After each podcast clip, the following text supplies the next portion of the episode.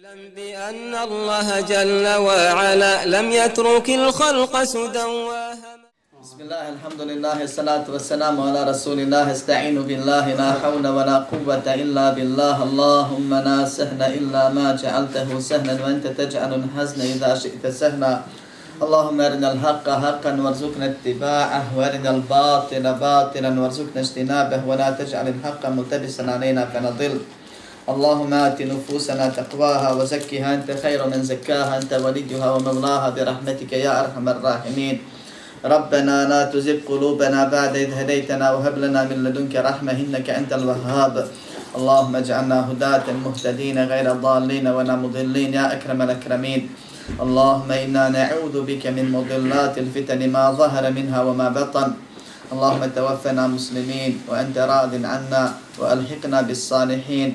اللهم يسر ولا تعسر اللهم بارك وتمن بالخير لا إله إلا الله ولا حول ولا قوة إلا بالله العزيز الحكيم أما بعد Sva hvala i zahvala pripadaju samo Allahu, savršenom gospodaru svih svjetova.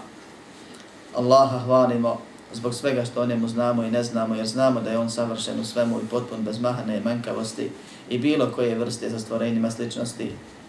Njemu zahvaljujemo na svemu, jer savršeni ne griješi, nikad naređuje, nikad zabranjuje, nikad dobrim i zlim iskušava, odnosno nagrađuje. Od njeg pomoć, oprost i uputu tražimo. Koga Allah uputi napravi put, tome nema zablude. Koga Allah subhanahu pravedno u zabludi ostavi, tome nema ni pomagača ni upućivača. Zato sebi spasa kroz Allahovo zadovoljstvo tražimo.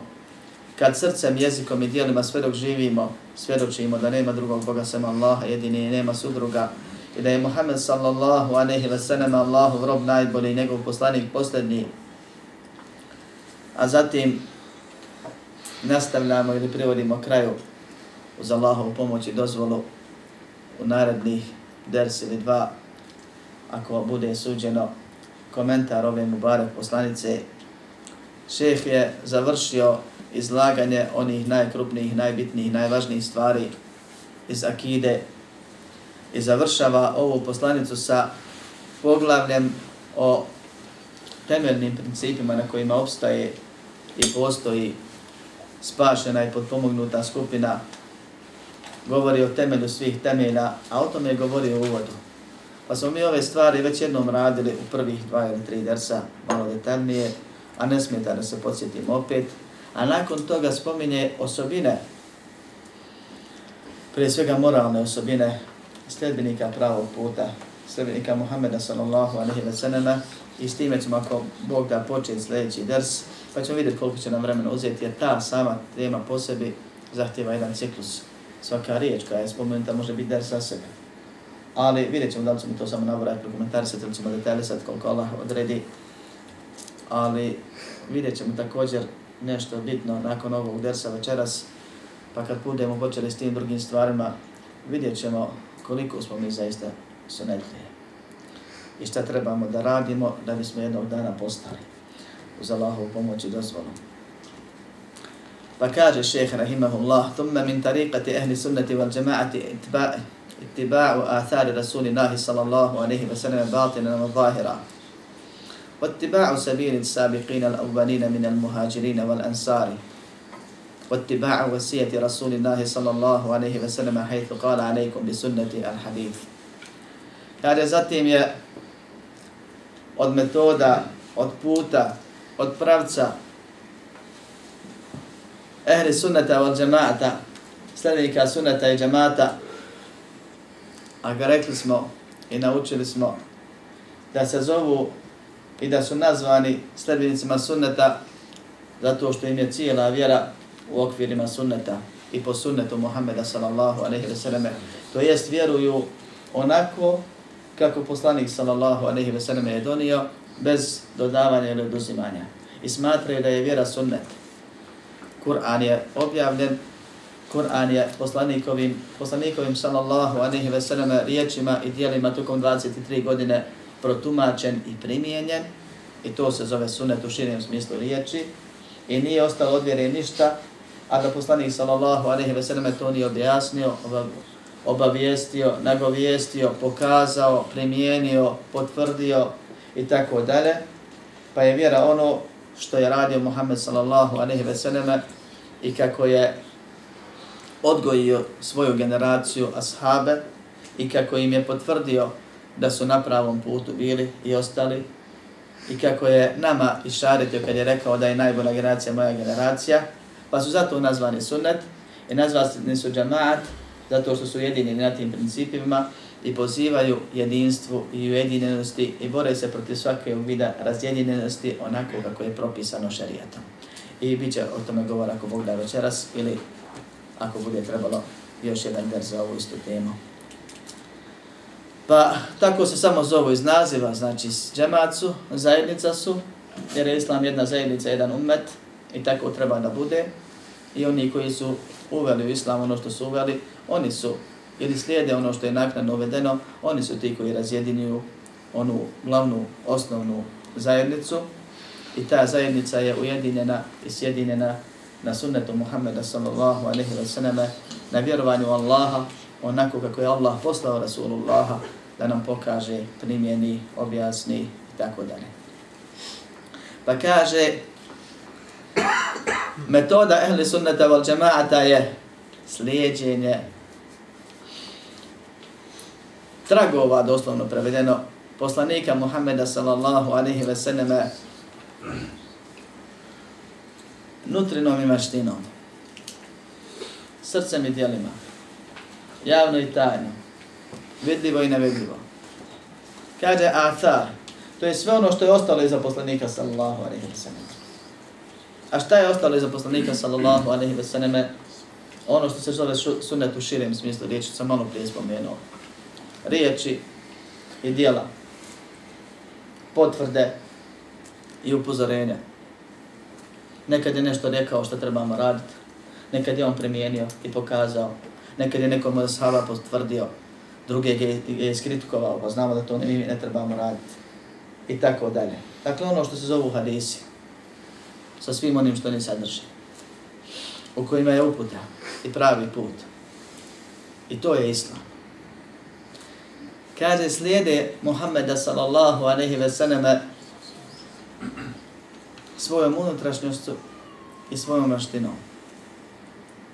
Slijede ga i suštinom i vanštinom slijede ga i onome što vidimo kad ih gledamo sa strane i onome što ne vidimo što je u srcu. Jer dijela srca su osnova. Slijede ga i kad ih vide i kad ih ne vidi. Ne rade to radi ljudi, nego Allaha radi. Pa i kad su sami u kući, ono što je propisano da se radi, oni radi. I kad su među ljudima, toga se ne stide, nego to radi. Pa se ovdje odnosi znači, i na one koji gledaju i na same njih. Nisu munafici da se predstavljaju da pokazuju ljudima kako treba raditi, u to sami ne vjeruju. Nisu se uzeli samo čahura kao što nam neki često prigovaraju i svoja dobra djela besplatno nam plasiraju. Hvala im na tome.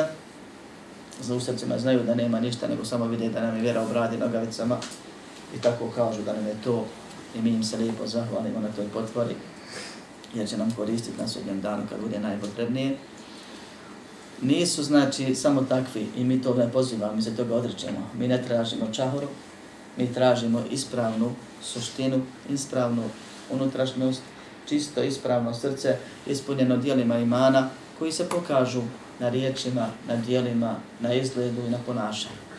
Jer je vjera objeđenje ili vjerovanje, zatim primjena i badeti, odnosno djelovanje između roba i rabba, i obhođenje prema stvorenjima. Te zadnja stvar širenje toga svega. To je vjera. Da ispravno vjeruješ, pa da Allahu onako kako je on zadovoljan robuješ, da se prema svim drugima, prirodi, hajvanima, insanima, muslimanima, nemuslimanima, bližnjim i daljim, obhodiš onako kako je propisano po sunnetu i to sa objeđenjem i srca, sa ljubavi prema, to, ljubavi prema tome, tom propisu i ubjeđenjem da tako treba,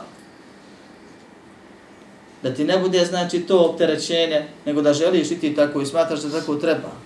Kad moraš nekome nekom, neko pravo dati, a samim tim sebi umaniti, jer Allah tako odredio da je to njegovo, ne tvoje, onda ti to daš, draga, draga srca, lahke ruke, uradiš i kažeš to je tvoje, tako treba, Allah presudio. Kad moraš da osaboriš, osaboriš Allaha radi tako treba. I tako druge ostale stvari. Kaže, na to se odnose znači ovo unutarnje i vanjsko, spoljašnje, kaže unutarnje, hajde to sam malo pričao, ali kaže šeh iz spoljašnje. Kad te vide, da znaju ko si šta si. To je cilj šarijeta. To je cilj islama. Da se musliman razlikuje od ostalih. I da se sunetle razlikuje od ostalih. I zaista kad te vide, braća moja, razlikuju tebe od onih koji ne izgledaju po sunnetu ko ti. I razlikuju tebe, ako si na pravom putu, od onih koji se ne ponašaju po sunnetu, makar izgledali ko ti. I to je cilj šarijata.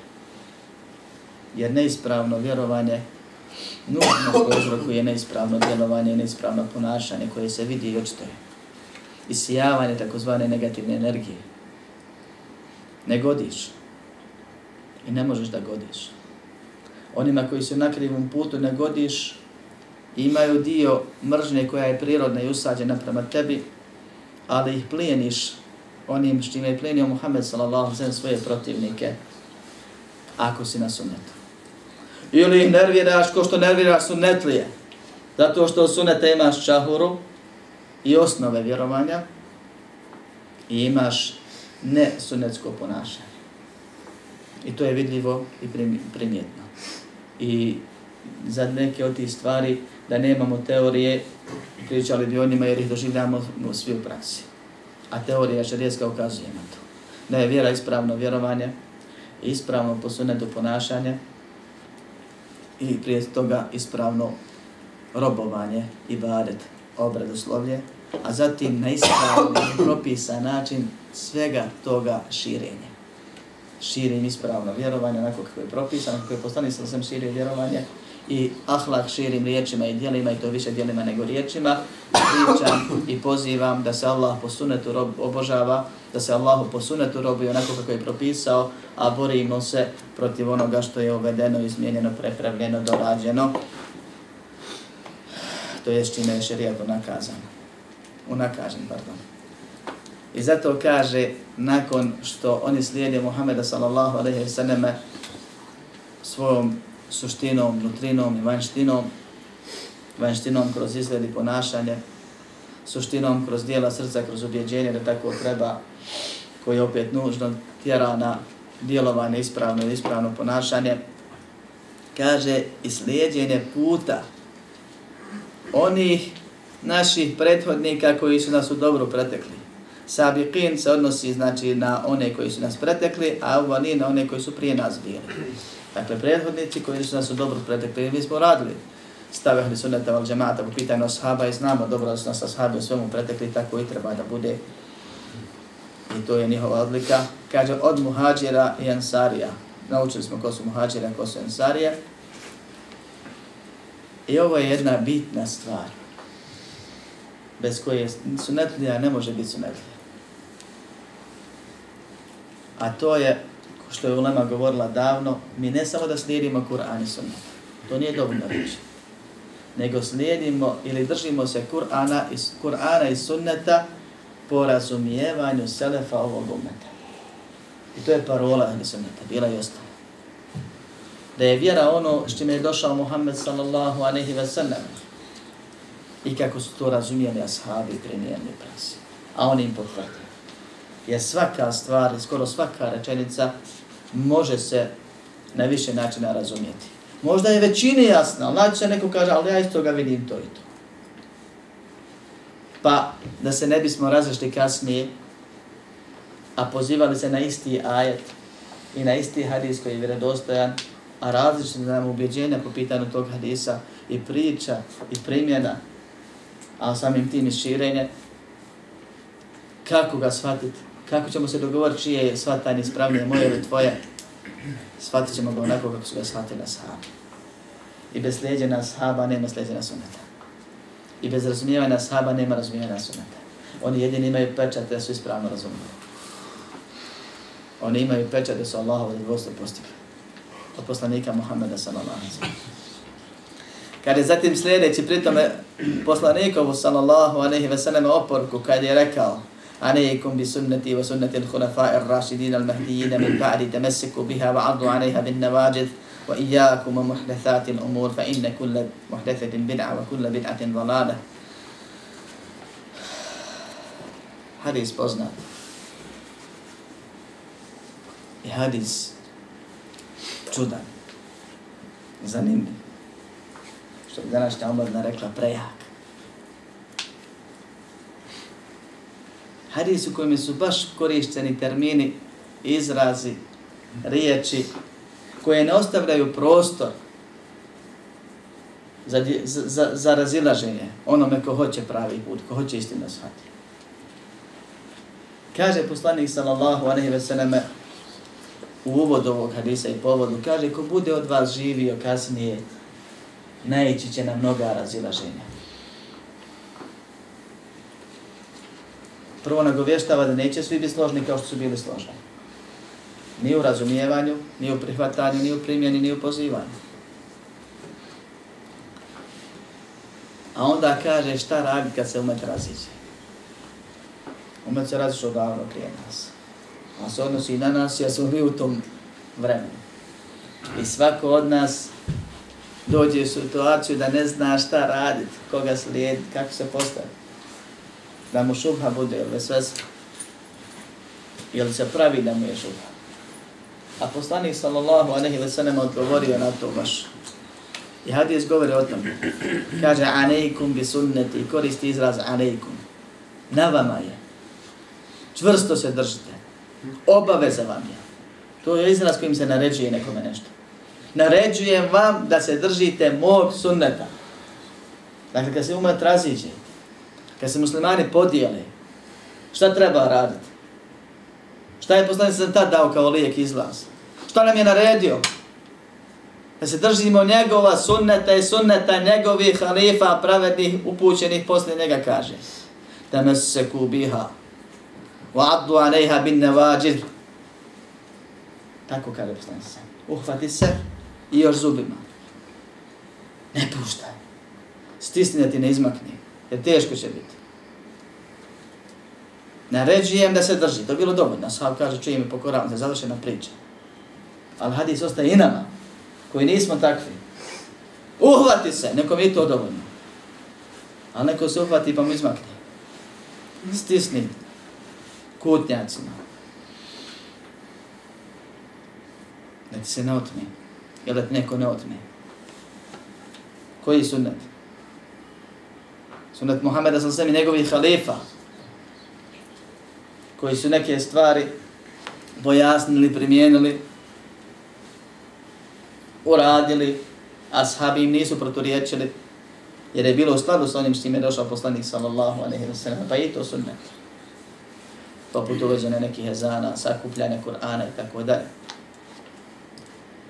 A nije bidat i nije opravdanje za bidat. Jer poslanik sallallahu alejhi ve sellem nam kaže šta radi s bidatom. Šta radi sa novinom ili novotarijom. U istom ovom hadisu dalje kaže, ne, u jednom kaže alejkum, a u, drugom, u drugoj rečenici i jako. Jedno znači dobro se drži, naređujem ti, a drugo kaže dobro se pazi, upozoravam te. Znači nije ako hoćeš, ako nećeš. Ili preporučujem ti da to ne radiš. Nego dobro se pazi, va i jako mohtethatil umor. Dobro se te pazite, kaže, uvedeni stvari je svaka uvedena stvar je novotarija, a svaka novotarija je zabluda.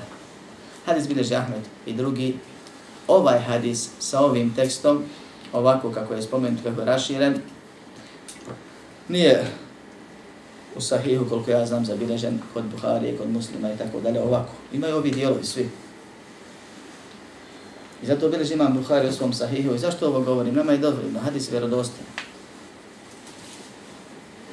قال bilež imam Bukhari u svom sahihu od Ibn Mas'uda radijallahu anhu da je rekao, i ovo je svatano إن أحسن الحديث كتاب الله وأحسن الهدي هدي محمد صلى الله عليه وسلم وكل بضعة دلالة وإنما توعدون لآت وما أنتم بمعجزين. ياجر رضي الله عنه. نائب لقبر الله قبر إن نائب لأبوت يبوت محمد صلى الله عليه وسلم. I svaka novotarija je zabluda. I ono čime vam se prijeti će doći. I nećete moći spriječiti. To je dio koranskog ajeta. Zato što nam dođu ljudi koji u svom vjerovanju i u svom djelovanju koriste slabe hadise, koriste izmišljene hadise. Izvor vjere, vjere su im često hikaje, tradicija bogumilska, šejh usnu vidio. Ali kad čuje hadis poslanika sa osvijem vjerodostojan, a pobija mu, ruši mu sve njegove iz temelja, onda govori nije kod Buharije, kaže. Nisi, nije se olema složna. Ima neki što mu je prigovorio, onda mu ga lanac zanima. Zanima njega sad lanac. Pa evo im lanac. Kaže Allahu poslanik sallallahu alejhi ve sellem u hadiskoj je Buhari ja i Muslim od svoja dva sahiha. Men hahdete fi emrina hada ma lejse minhu fa huwa rad. Ko uvede u našu vjeru nešto što nije od nje, to mu se odbacuje. U rivajet kod muslima stoji men amina amena lejse alejhi emruna fa huwa rad. Ko uradi dijelo koje nije u skladu s našom vjerom, s našom stvari, to mu se odbacuje. Bileži muslim u svom sahihu da je poslanik sallallahu alejhi ve sellem rekao سيأتي أناس بعدي يحدثونكم ما, لا ما لم تسمعوه أنتم ولا آباؤكم فإياكم وإياهم doći će ljudi nakon mene, govorit će vam stvari koje niste vi ni vi čuli ni vaše preci, pa ih se dobro pazite. Če nešto novo uvjeri. Kaže poslanik sallallahu alaihi ve sallame, kao što je spomenuto u hadisu ovom za sunnet. Kaže poslanik sallallahu alaihi ve sallame, men senne sunneten hasaneten poznata. Mi ne od tih predajem bježnim, oni su u muslimu. Ko kaže uvede lijep običaj, lijep sunnet. Ima nagradu za svakog onoga koji, slijedi, koji ga slijedi, bez da mu se umanjuje. I ko uvede lijep, loš običaj, loš sunnet, či ti rećemo kako stoji, ima kaznu za sve one koji ga slijedi. U drugom hadisku koji bježi muslim u svom sahihu kaže ko bude pozivao uputu, imat će nagradu za sve one koji ga slijede. Ako bude pozivao zabludu, imat će kaznu za sve one koji ga slijede. I spomenut ćemo ako Bog da još koji hadisi sahihajna kasnije, ako Allah da. A jedan je dovoljno. Pa kažu, vidite, vi kažete da se ne može uvoditi u vjeru i da se mora slijediti ono što je poslanik sam sam rekao, a mi preknimo, kažemo, ne kažemo mi, to je poslanik sam sam rekao, već sam ti malo prije spomenuo. To je prva stvar. Da ko uvede nešto drugo, to mu se obacuje i kaže, dobro se drži ovoga, a dobro se pazi toga, u što ti sad pozivaš. A kaže, za nije poslanik sam sam rekao, ko uvede lijep sunet ima sevap, ko uvede lijep, loš sunet ima grije. Pa onda kažemo, povuci ručno. Stani bolan, ode u je li to bogati sunet može biti loš? Ako je sunet objava. Ima loš sunet? Ne, nego riječ sunet u arapskom jeziku znači nekad metoda, nekad put, nekad običaj, nekad sredstvo, a nekad znači ono što je Allah objavio poslaniku sa svema nije Kur'an. E ono što je Allah objavio poslaniku sa svema nije Kur'an, a to je vjera Islam ono o čemu mi pričamo gdje imaju novotarije, nije svaka poja, nova pojava zabranjena, nego no, novina u ibadetu, mijenjanje naše stvari, kao što kaže poslanici sam u hadisu. E to ne može biti loše. Ono što je Allah objavio poslaniku. A ono što ljudi misle, skontaju, vedu od običaja, od puteva, od pravaca, od metoda, to može biti dobro ili loše. Pa ako uvede lijepu praksu, lijep običaj, lijepu metodu, bilo u dunjaluku ili nešto čime se olakšava vjera, ima seba onima kojima je olakšu. I ko uvede lošu metodu, a sve ono što se nadograđuje na savršenstvo i gdje, me, gdje se insan i čime se insan poredi sa Allahom propisujući propise u vjeri, je loše. Ko uvede lošu praksu, ima grije. za one koji ga slijede. Pa dorađuješ li vjeru Allahu u savršenu, ti uvodiš nešto loše. Jer na, ne možeš ti savršeno dograditi. Pričao sam vam primjer kad čovjek na novog Ferrarija zavari galeriju od stojanina i kaže šta fali, korisno, od više glava ne boli, može metar drva na njoj voziti. Je li ga ukrasio ili ga je nakazio? Allah kaže da je potpuno vjeru. I Allah kaže slijed, slijed, pokoravajte se Allahu i poslanika milost bila ukazana. I Allah uzvišeni kaže ono što vam da poslanik to uzmite, ono što zabrani to ostavite. I poslanik sa zem kaže u hadisu također je dostojno, ono što sam nam naredio to uradite, koliko možete, ono što sam zabranio, toga se prođite. I poslanik sa zem zabranio i kaže, dobro se pazite novotarija. I ko uvede novotariju, i kaže svaka novotarija je zabluda, i kaže svaka zabluda vodi u vatru. I ti opet dođeš i kažeš, ima hadis, kaže kojim se može otvoriti ovaj put, ova vrata, pa ćemo onda raditi tako hoće. Pa ćemo dobiti, ko što smo dobili, pakistanski islam, indijski islam, i kineski islam, i arapski islam, i bosanski islam, koji je inače najčešći, tako kažu bosanci, i američki islam, i ko zna kakvi će još biti. I ako vrijeme, kako vrijeme odmiče, neće jedan drugog moći prepoznati. Jer već sad se ne može na hađu prepoznati. Ne može sastaviti nikako ispojiti osim ono gdje su farzovi gdje se ne mijenja. Kad vidiš šta ljudi rade, zabezekneš se. I uvijek se prepozna izvorni islam. Iz Kine, iz Indije, iz Pakistana, iz Evrope, Amerike.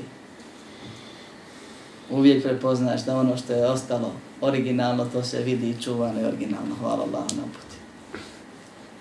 Isto sve. I jedan i drugi ima argument ako ga pitaš šta ti je to i šta to radiš, kaže rekao Allahu poslanik sa svema hadijskoj mreži, taj i taj.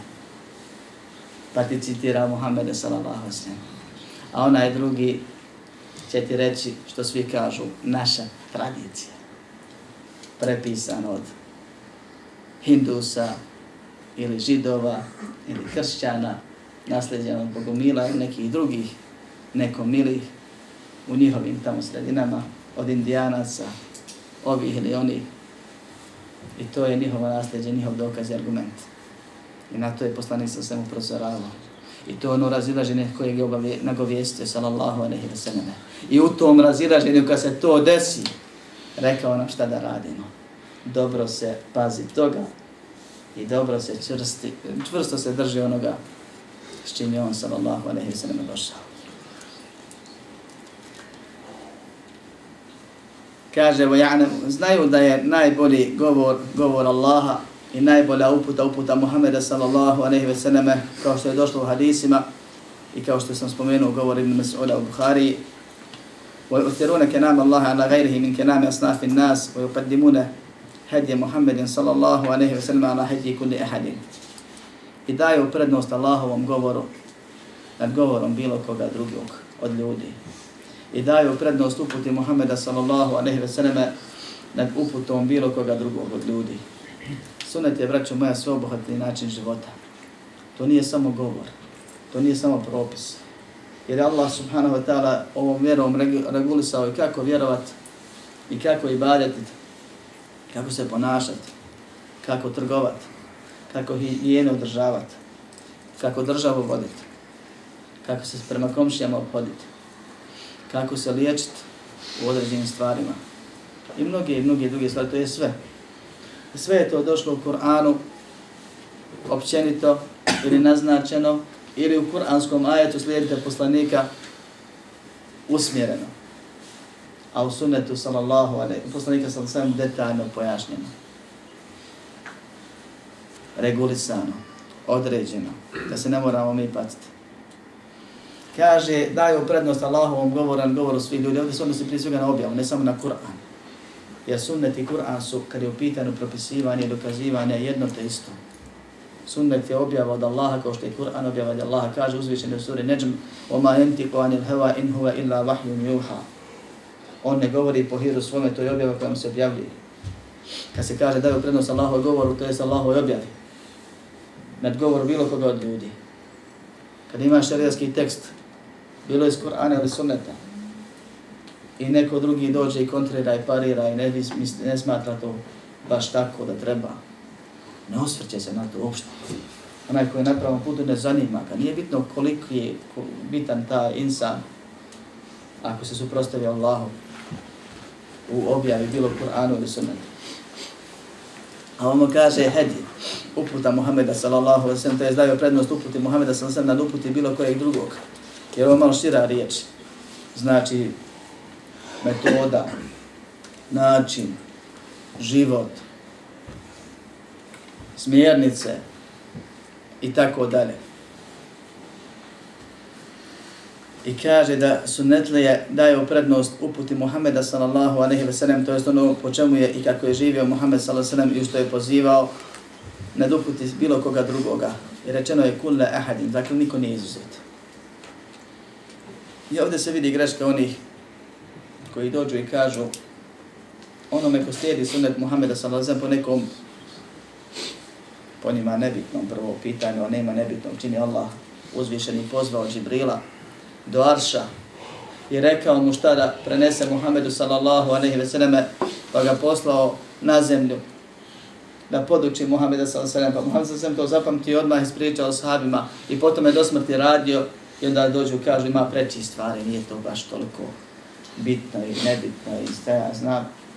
Ali kad neko dođe i primjeni uputu Muhammeda sallallahu aleyhi ve selleme, a ono je suprotno onome na čemu je neka zajednica, pa kažu njemu odmah, ako su šafije, ti se praviš pametniji od imama šafije, ako su malike, ti se praviš pametniji od imama maliki, malika, ako su hanbelije, ti se praviš pametniji od imama Ahmeda, ako su hanefije, ti se praviš pametniji od imama Ebu Hanife, rahimahumullah, svima.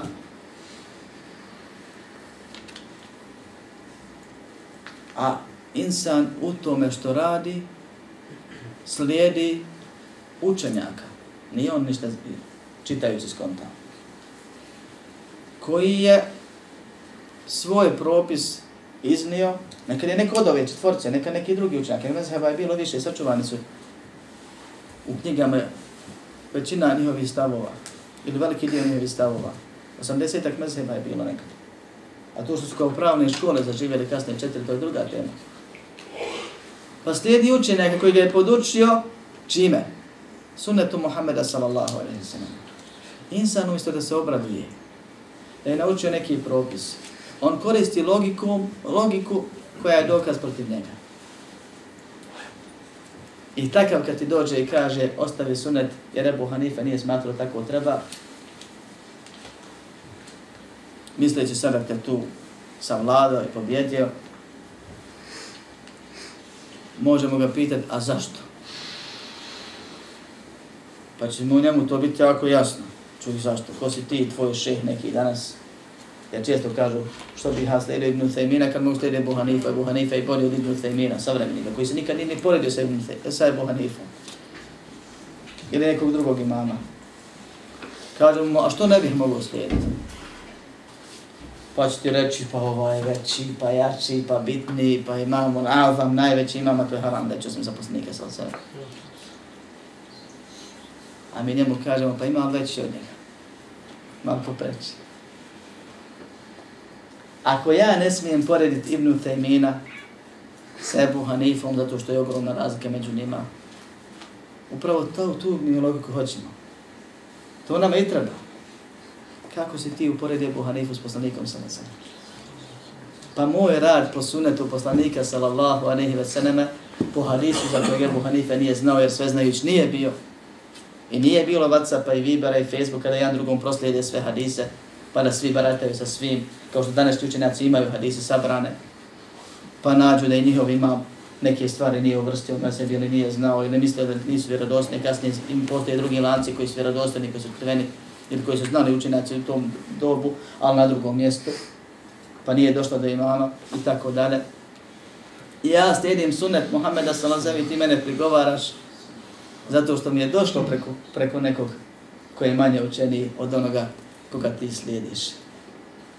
Tako mi onoga koji nas je stvorio Ebu Hanife, Imam Malik, Šafija, Ahmed i svaki drugi učenjak Islama nikad ne bi dozvolio i nije zadovoljan da se njegovo ime, njegovi stavovi, njegovo vjerovanje, njegovi propisi koje on zaključio tražeći sunat Muhammeda sallam porede i koriste protiv sunata Muhammeda sallallahu alaihi wa Umrli su živeći za sunnet i šireći sunnet. I sve od sunneta što su imali, to su i koristili, po tome su radili. Svi, do jednog. I onda neko zloupotrebljava njihova imena, njihove ličnosti, njihov ugled u umetu, da bi umrtvio, ugušio, ugasio, odstranio iz upotrebe na nekoj lokaciji geografskoj, nešto od suneta Muhammeda sallallahu alaihi wa sallam. Pored toga što će biti odgovoran pred gospodarom svjetova, pored toga što neće moći pravilno odgovoriti na pitanje kako ste se odazvali poslanicima, bit će odgovoran Muhammedu sallallahu alaihi wa sallam. Bit će odgovoran i svom imamu kojeg je zloupotrebio, jer ta imam nije zadovoljan se tako postupa. I ovo treba znati, shvatiti. I ponosno se suneta prihvatiti Kutnjacima i rukama i nogama. I ljubomorno to čuvati. I Allahu se ne možemo zahvaliti na se upute da spoznamo ovaj pravac i ovakvo razmišljanje.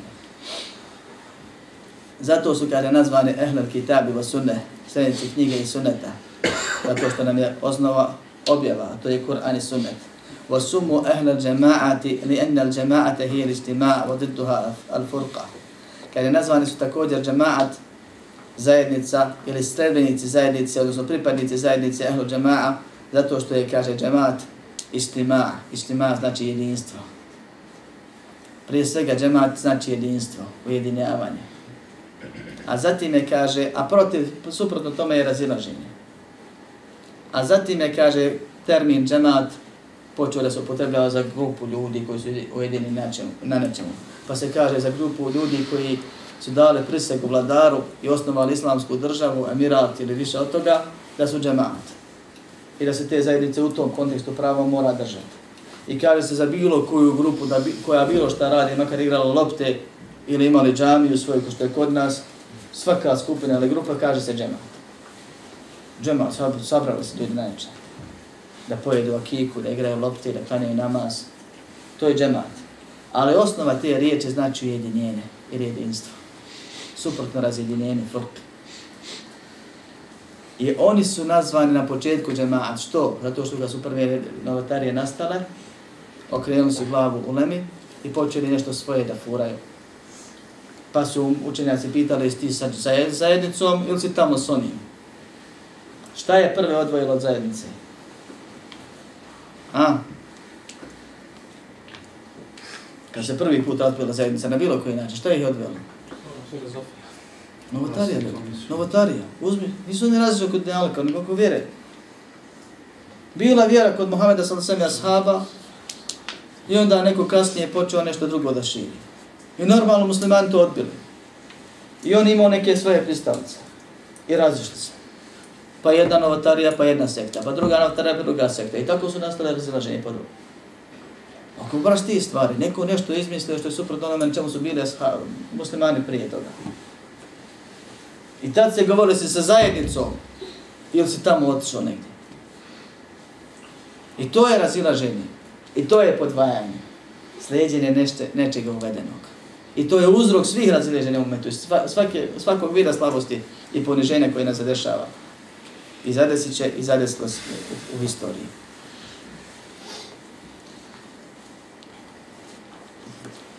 Zašto se ehli sunnet zove džemaat? Hajmo još jedno. Okupili se oko istine. Okupili se oko izbora. Okupili se oko objave. Zašto baš to? Danas imamo najviše, ili po našem mišljenju više nego nikad, da kad čovjek primjenjuje sunnet u mjestu gdje se ne primjenjuje, potvaraju ga, optužuju ga za podvajanje, razjedinjevanje, razbijanje nekakvih safova i tako dalje. I on jedan govori, trebamo se ujediniti na istini, a oni govore, ne trebamo se razilaziti. Ko je u pravu i zašto? Nije samo ko je pravo, svako će ja sam, to je poznato navijački. Nego što ne bi, što moramo biti bijele ovce među crnima, da ne kažem crne među bijelima, jer i taj prigovor smo dobivali, kaže, jeste ti bijela ovca, ali među crnim se nemoj, kaže, ističeš se tako ne. Jel moramo ili ne moramo? Hajmo svi da se farbamo, pa da isto izgledamo. Ako moramo, zašto? Ako ne moramo, zašto? Kad su se razišli ove sekte koje su dale prednost razumu nad objavnim. od džehnija, Tezila, Šarija, Maturidija i onih između što su miksovi bili i traju, rekli su taj hadis je došao tako, ali je to nama neshatljivo, pa mi to prihvatiti ne možemo. I tu su se složili. I onda kad im je ponuđeno, pa dobro, kako je? Jedan kaže ovako, drugi onako, treći ovako, četvrti onako, i koliko god da ih dođe nakon njih, svako će nešto svoje da nije. Mi kad bi htjeli, kad bi se sabrali, svi muslimani svijeta ili njihovi pametne glave, kad bi nas neko zaključio kao Dayton, policijari su zaključali naše, i rekao, nećete izađu se ne dogovorite, nikad se ne bi mogli složiti. Ko će mene ubijeti da je tvoje mišljenje jače od njega? Ili tebe ovo? Mene, od, ovaj, da je moje, tvoje mišljenje jače od mene, ja? Ili tebe da je moje mišljenje jače od njega? Na osnovu čega? Složni smo ako ćemo se dogovoriti, nam moraju svi popustiti i jedno pristati. Ne jedno pristati, jedno prihvatiti. Jer imamo deset mišljenja po jednom pitanju, istina je jedna koje ćemo slijediti, moramo i devet izbrisati. Ako bi se našao neko da kaže, a ne smije reći jer je to vjera koju vjeruje, Nije to pijaca da ja sad kažem, halal ti bilo. Kad bi se našao da neko da kaže, eto ja neću, eto nek ne bude moje, nek bude tvoje, neće drugi. I nikad se umet neće složiti ni da će, osim na objavi. Da ja kažem moje mišljenje je ništa jer je Allah presudio. I ti kažeš tvoje mišljenje je ništa jer je Allah objavio. I svaki bi trebao i morao i samo tako je moguće da se složimo. Inače se ne možemo dogovoriti. Prvo zato što nije naše, a drugo je da je naše, uvijek imaš ljudi oko međe, se ljudi raziđu, pa jedan kaže halal, ti drugi kaže ne, ne, cent moj treba. A treći kaže ako mogu i tuđe, malo dobro jeste. Oko dunjaluka se ne složi, ljudi, ljudi se razlikuju. A kamo li oko vjere, koju smatraš ti da je to istina? Jedino što nam može presuditi i što nas može ujediniti je vraćanje na objav. I jedino što nas je razjedinilo je odstupanje od objave. I prvi, odnosno potodnik, kao što kaže ima Malik Rahimahullah i drugi učenjaci nakon njega, neće uspjeti osim onako kako su uspjeli prvi. Neće početi kao Allahu zadovoljstvo osim kako su ga postigli ashabi Ridvanullahi ta'ana anih. I zato kaže šeheh A izma, koncenzus, saglasnost, je treći temelj na koji se kaže uslanjaju u znanju i vjeri. Iđma, koncenzus, jednoglasno mišljenje, složila se olema, je treći temelj koji proizilazi iz ove osnovne.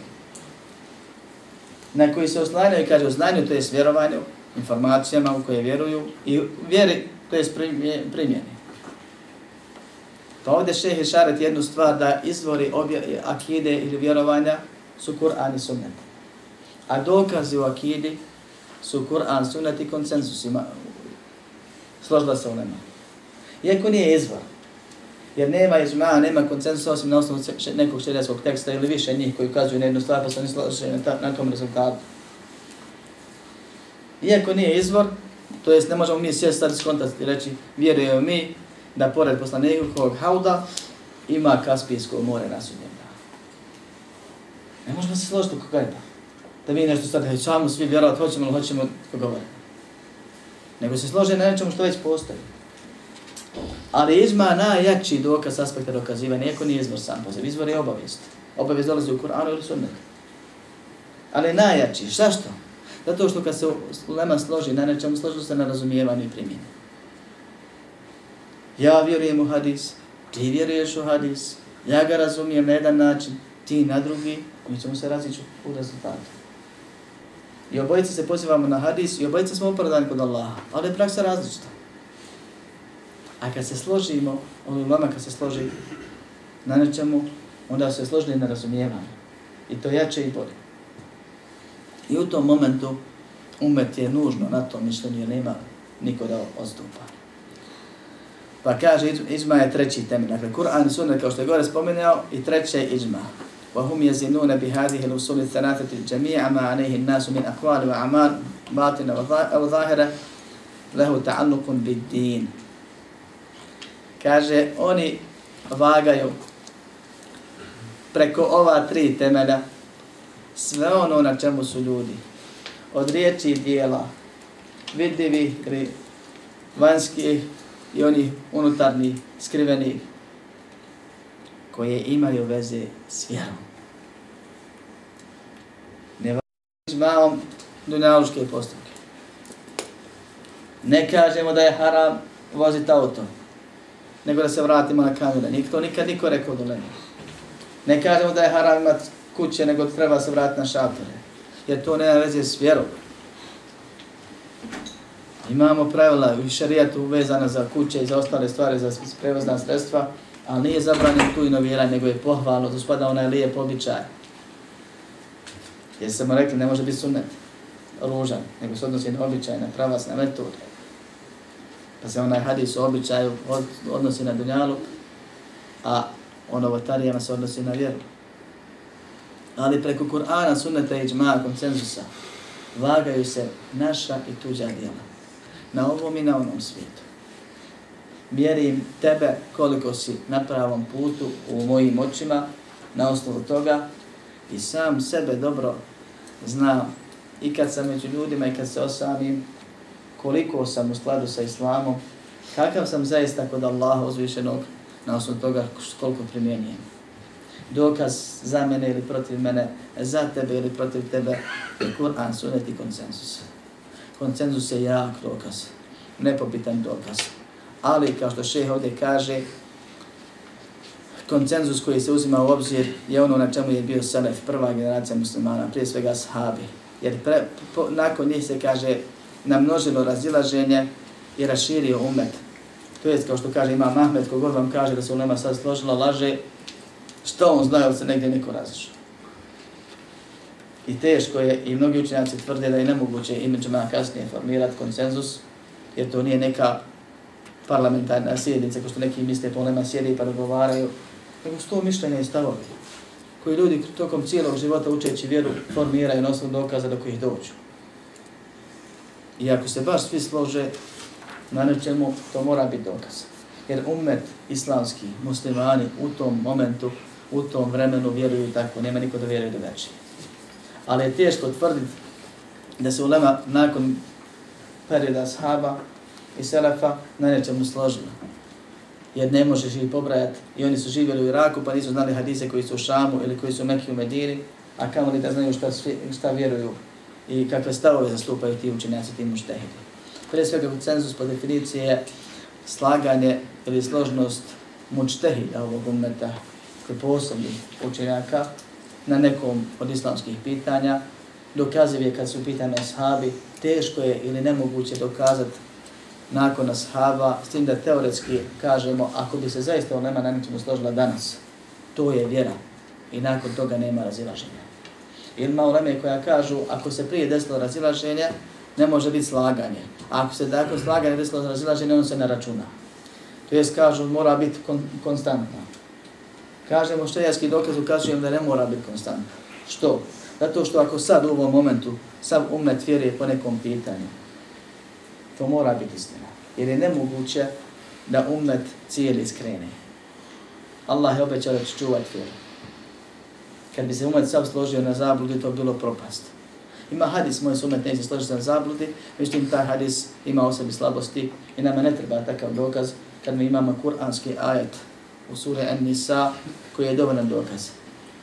Prenosi se da imamo šafi koji je dokazivo i govorio da ima iđma i dokazivo iđma, što čovjek nadars i rekao mu, ili ćeš mi dati dokaz iz Korana za iđma, za postojanje iđma, ili ćeš povući sve što, ono što si pričao. Kaže, pa je zatvorio se i nije ga tri dana bilo, nije držao ders. Pa je nakon tri dana došao i pitao, gdje je onaj što me pitao da iđma? I rekao, listao sam, što bi rekli, šaltao sam. Tako to nije samo čitanje, to je iščitavanje, prvo kroz memoriju, prvo gledanje, treće razmišljanje, da se pozabavi. To i dan danas učenjaci radi. Sjećam se kad šeha Šenkita pitao za neko pitanje, kada kaže ti od mene tražiš, nemojte mi postati tako općenita pitanja, to bi zahtjevalo da sjedim tri dana s Kur'anom i da ga dobro prelista, pa da ti kažem sve, pohvatam šta je spomenuto gdje i zavedem zaključak. I to uglavnom ta običaj je poznat.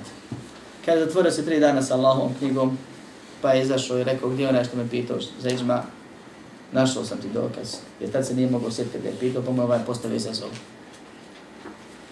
Iz svog lošeg edeba prije svega, ali eto, Allah je dao her da, da ostane.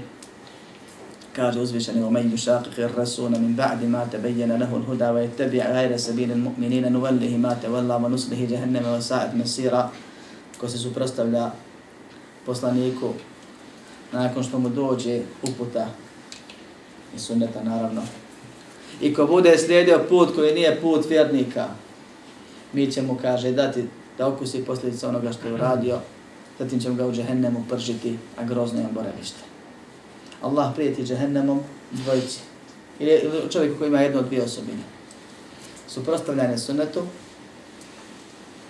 ili suprostavljanje onome na čemu su muslimani. Bude slijedio put koji nije put vjernika. I ovdje je dokaz za iđma. Ako su muslimani na vjeruju nešto, i dođe insan i kaže ja to baš mislim da nije dobro skontao. Ja ne vjerujem tako, men to nije logično, nije shvatilo, nije u skladu s ovim vremenom.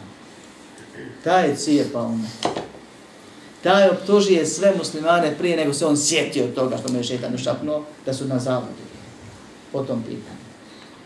I Allah prijeti tako da će ga pržiti u džahennemu. I ovo je dokaz iz Kur'ana za isp mogućnost i ispravnost i obaveznost sljeđenja ižma koncensusa. Onom na čemu, su složna, na čemu je složna ulema. I da su se ljudi držali ovoga, nikad se ne bi umet podijelio ne razišao. Ni nešto. Svi bi vjerovali, onako ko su, bil, su vjerovali sahabi. Ridvanullahi ta'ala alihi. Pa je ovo dokaz za iđma i za obaveznost iđma i da je to temelj od temelja i da rezum, rezimiramo sve ono što naučimo od vjere. Ako hoćemo da bude kod Allaha primljeno, ako hoćemo da budemo od onih koji su oni koji poslanik sa sem naziva svojom braćom koja mu nedostaju, koji ga nisu vidjeli, njega su povjerovali, koji ne rade ono čime im poslanik sa sem prijeti, a rade ono što poslanik sa sem naređuje, Ako hoćemo da budemo skupine koja je spašena i pomognuta, kao što su spomenuti u hadisu, kojima neće nauditi onaj koji ih izda, niti onaj koji se bude protiv njih borio, moramo da imamo tri do četiri stvari, a sve ostalo se naslanja na njih. Sve što ikad kažemo, zaključimo, preporučimo, objasnimo, primjenimo, sve proizilazi iz ove tri do četiri stvari. Namjerno ovako govorim. Šta su nam temelji? Hajmo po redu. Ko zna? Šta sam pričao večeras? Kura, su ne dane? A gdje ona do četiri?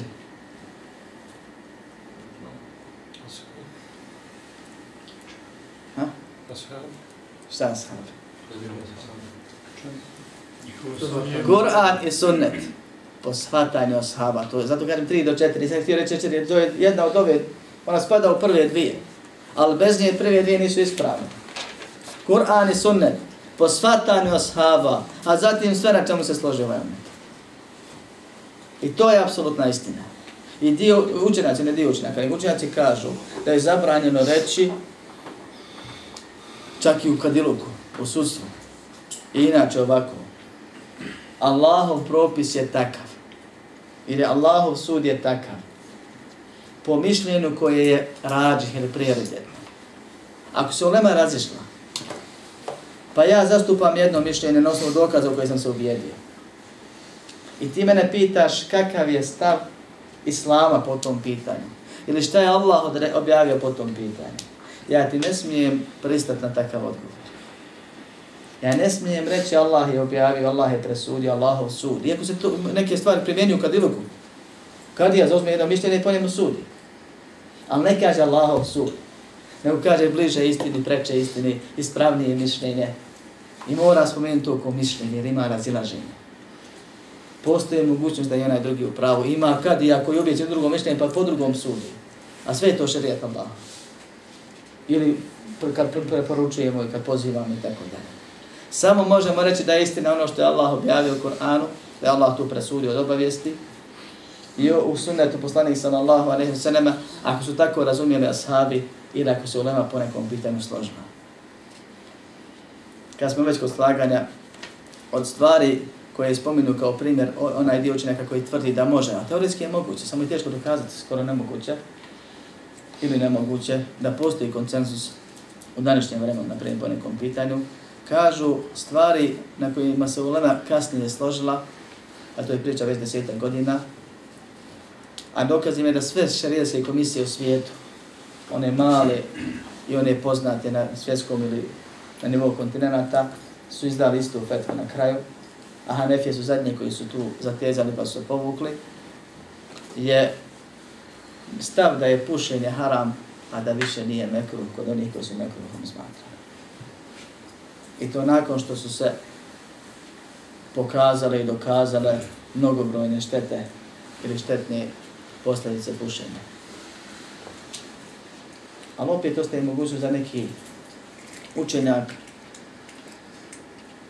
smatrajući da ne smije on sad biti pametniji od svojih imama u mezhebu, da zastupa i dalje stari stav i tako, zato je taj izma nedokaziv ili teško dokaziv, a zanimljiv je detalj onome ko hoće istinu i ko se ide poziva na to da je mekro, odnosno mećro, da što više ublaže, da ipak sve šarijanske komisije na svijetu i svi poznati učenjaci koji hodaju zemljom i su hodili u zadnjoj deceniji su govorili, kao što kaže žu, određeni pravnici koji se time bave, govorili su da pušenje je haram. Od uvijek bilo i ostalo po jednom mišljenju, ili oni koji su govorili da mekruh, da više nije mekruh, jer ono zbog čega su smatrali mekruhom i prevaziđeno davno imaju stvari što ih po mezhebskim pravilom obavezuje da ga smatraju haramom, to je zbog štete koju taj grijeh sa sobom nosi. Selefija si u principima, a kasnije ćemo vidjeti to osobinama. Sunetlija si u principima. Ako ti je osnova vjere i sve ono što, što, što vjeruješ i po čemu dijeliš, ponaša se, izvedeno iz Kur'ana i suneta po razumijevanju Selefa ovog umeta i dokaz koji, koji smatraš obavezujućim protiv sebe ili za sebe, ono na čemu se o nama složi. I daješ širine i tolerišeš, jer to nije temer, ono gdje se on nema razići. Smatraš da treba tražiti spravnije i jače mišljenje, a daješ mogućnost da je ono drugo također ispravno ili da ima neko pravo da smatra da je ono jače, kao što ti smatraš da je ovo prvo jače. To sunetliju čini sunetlijom u principima, a kasnije ćemo ako Boga da vidimo detaljnije u osobinama. Molim Allah subhanahu wa ta'ala da ovo bude dokaz za nas, a ne protiv nas, da se istinski držimo ovih temelja, da se ponosimo sunnetom na dunjaluku i na ahiretu, jer zaista će biti ponosni oni koji iskreno Allah radi, budu po sunnetu djelovali. Na ovom svijetu ponosit će se na ahiretu, piće se poslanikovog vrela kad drugi budu tjerani, zato su se mijenjali ili promijene slijedili. Molim Allah subhanahu wa ta'ala da nam istina bude preća od svega onoga što je naše lično. Molim Allah subhanahu wa ta'ala da nas učvrsti na pravom putu, poveća nam uputu, da nas pomogne da sve dok živimo, Allaha radi sebi i drugima dobro činimo, a kad preselimo na smrtne muke, budu zadnje muke koje osjetimo i da već u kaboru počnemo vječno da uživamo. Amin. Walhamdulillahi rabbil alamin. بأن الله جل وعلا لم يترك الخلق سدى